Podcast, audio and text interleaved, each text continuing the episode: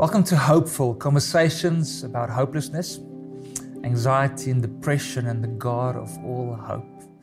We're focusing on depression and, and where does this come from? Now, as I said in the beginning, I'm not a doctor, not a psychiatrist, uh, but I do believe in a, in a responsible way I can help you identify um, from the studies I've, I've done on this and um, from some of my psych- psychologist friends who's helped me uh, to really grasp this, and from my own story.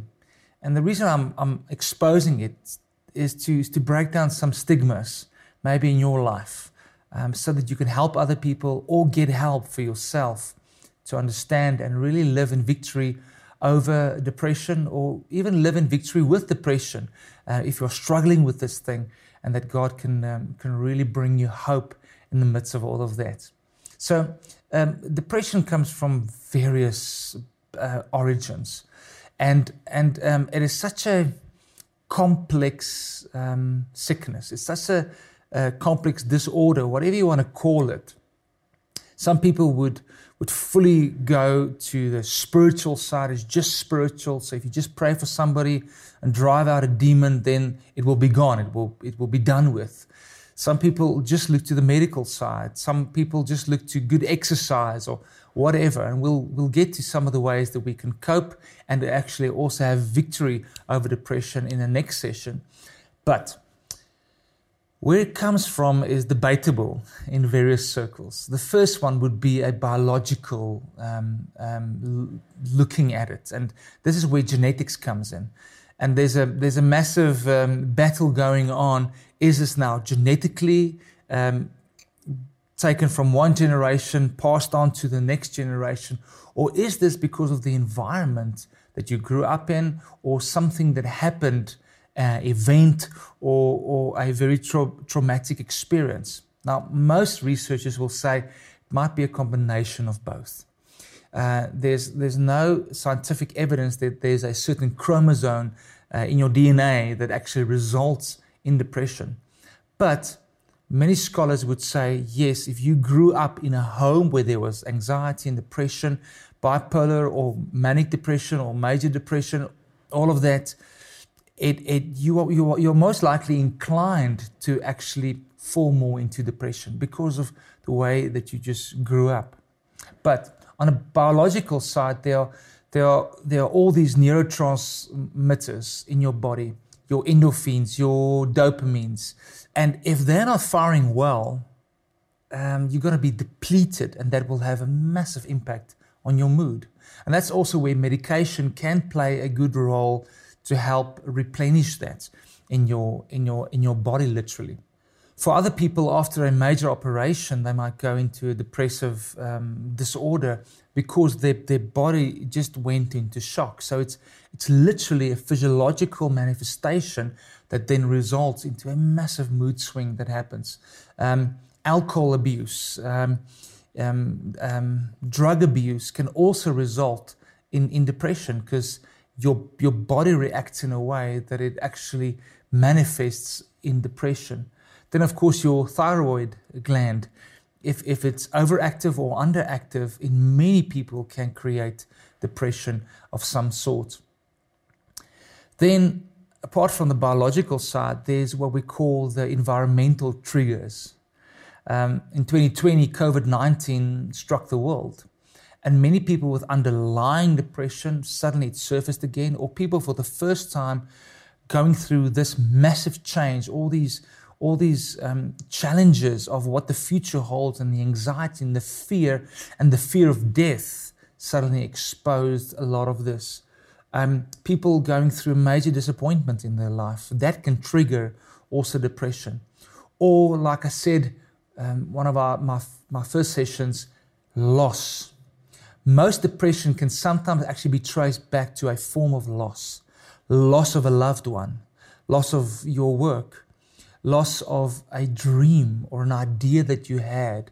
Um, it might be loss of a, of a marriage partner, even, even a child that's giving you so much problems and it, it creates anxiety that can, that can actually snowball into a, a, a massive depressive um, episode in your life.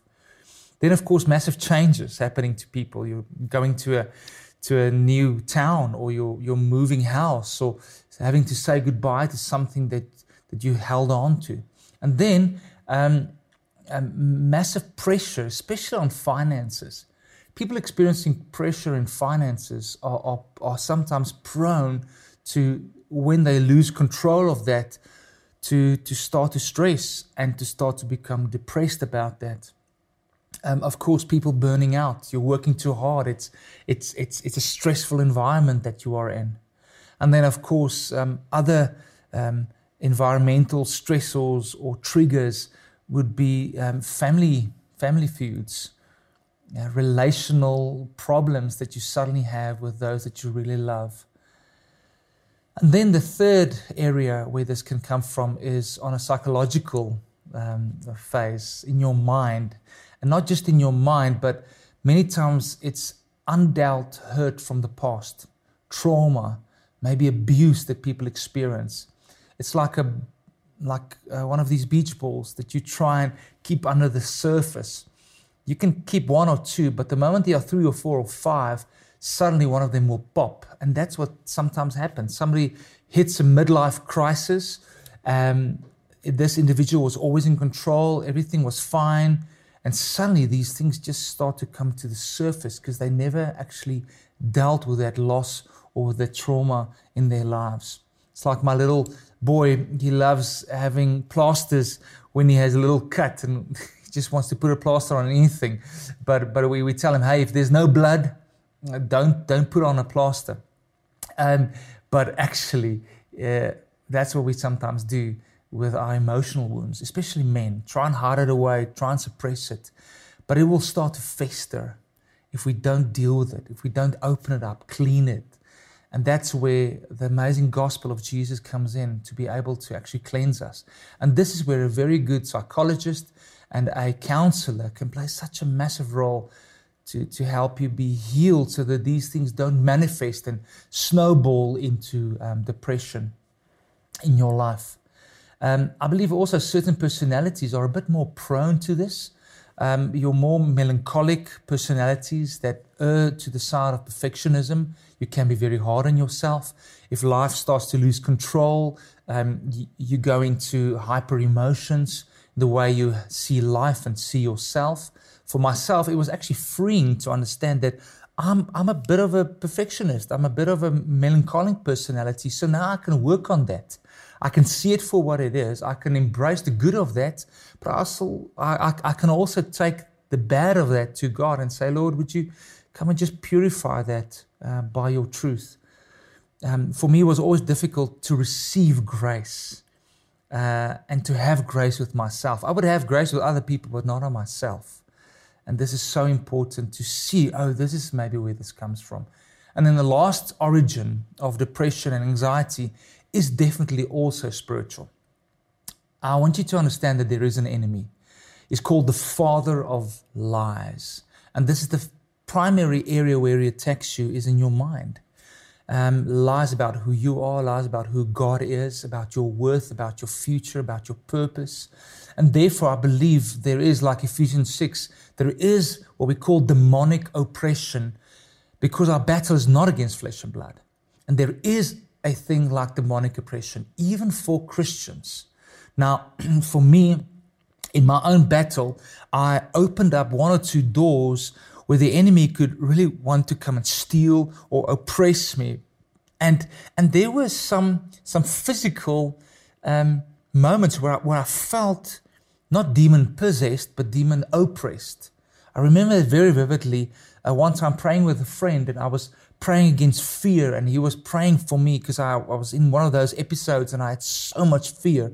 And as he was praying, I almost wanted to start to vomit to it was, it was like a manifestation of this this thing just leaving me and this thing leaving the oppression on me. And and I immediately felt a release. Another time I was lying in my bed and and I've heard this many times. People would say it's like something like like like a black thing sitting here it, it, it, it just oppressing your heart and it's pressing down on you. And I remember saying in the name of Jesus leave me. And it left. And having a spiritual warfare in that moment. So I believe there's also a place where you need to discern is this maybe also a spiritual um, to this depression? And then people can pray for you and, and you can uh, get counseling for that. You can get help for that as well, so that any door in your life can be closed. Now, whichever origin it might be in your life, I believe there is hope and I believe there is victory. Open up your heart as the Spirit is speaking to you so that you can identify whatever it might be that you are struggling with and trust God for victory in your life as well.